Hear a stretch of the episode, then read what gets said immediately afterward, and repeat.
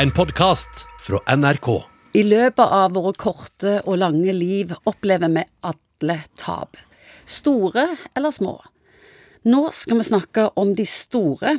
Det kan være mennesker du har tapt, eller drømmejobben, idrettskarrieren fordi du fikk en skade, eller du kan ha mista en viktig funksjonsevne. Helsa, rett og slett. Psykolog Egon Hagen, fins det mye livssorg der ute? Ja, det gjør vel det. Jeg har snakket med mange som kommer fordi at de sliter med tap, og kommer ikke over tapene, egentlig. Hva går det i?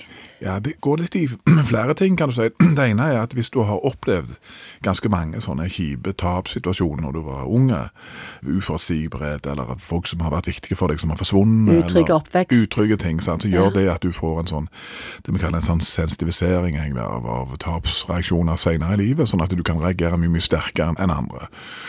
Og så er det andre igjen, hvor, eh, som er disse motsatte variantene, altså der alt er bare VBG hele veien. altså Dette der 45 år og jobbet i olje og alt bare gått oppover og tjent halvannen million så lenge du kan huske, eller to millioner. Og så oppdager du plutselig at det skjer et eller annet, enten med ungene, eller at uh, pl- plutselig kona sier takk for følget, eller nå må du finne på noe å gjøre sjøl. Og da er det mange som kan reagere vanvittig sterkt på det, fordi at det er som du har ingen trening faktisk i at det går, til, det går south.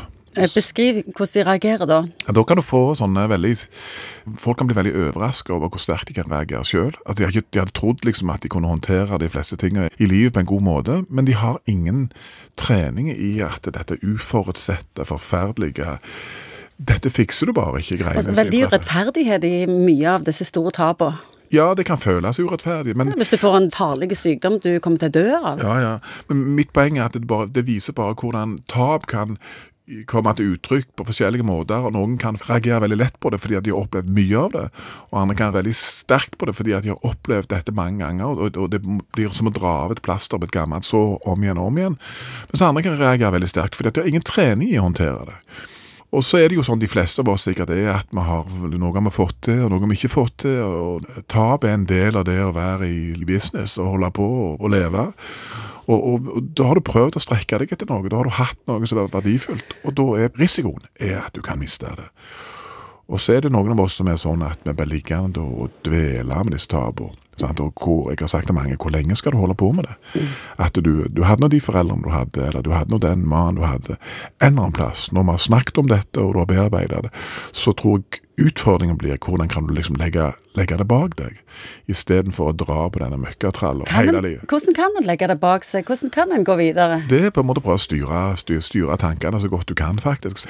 Mange tenker at det, spesielt når det er uforutsette, uforståelige ting som skjer, så tenker de at det er veldig viktig å ligge og tenke på dette så jeg skal forstå det. Jeg må forstå sammenhengen. Jeg må forstå den forrige partneren min, eller et eller annet sånt. Noen ganger så må du bare si at jeg kommer ikke til å forstå det. Det var eh, Og det hjelper ikke å snakke om ting om igjen og om igjen og om igjen. og om igjen. Du bare blir sittende i uh, gryta. Ja, vi er jo på en måte tilhengere av å snakke, men det er liksom en grøft på begge sider av veien der. Og en eller annen plass så blir òg kanskje utfordringene å si at ok, nå må jeg prøve å legge det ned. Jeg må både ta tapet. Det er et viktig Du kan si det til jeg tar det tapet. Kjenner det var surt, og smaker tran. Må eie det. Ja, jeg står han av. altså. Jeg greier å ta den sure følelsen. Jeg kjenner han Kanskje kommer han til å være en eller annen plass inni brystet mitt hele livet. Men, men jeg tar det, altså. Jeg tåler det. Og jeg kan, jeg kan leve med det. Og det er jo litt sånn som det er med mange ting her i livet, det er svake sikringer og kjipe ting som vi har, at kunsten er ikke nødvendigvis å få det vekk, men å lære seg å leve med det. Jeg kan leve med det. Det blir etter hvert en integrert del av, av min historie og sånn som mitt liv ble. Du har hørt en podkast fra NRK. Hør flere podkaster og din NRK-kanal i appen NRK Radio.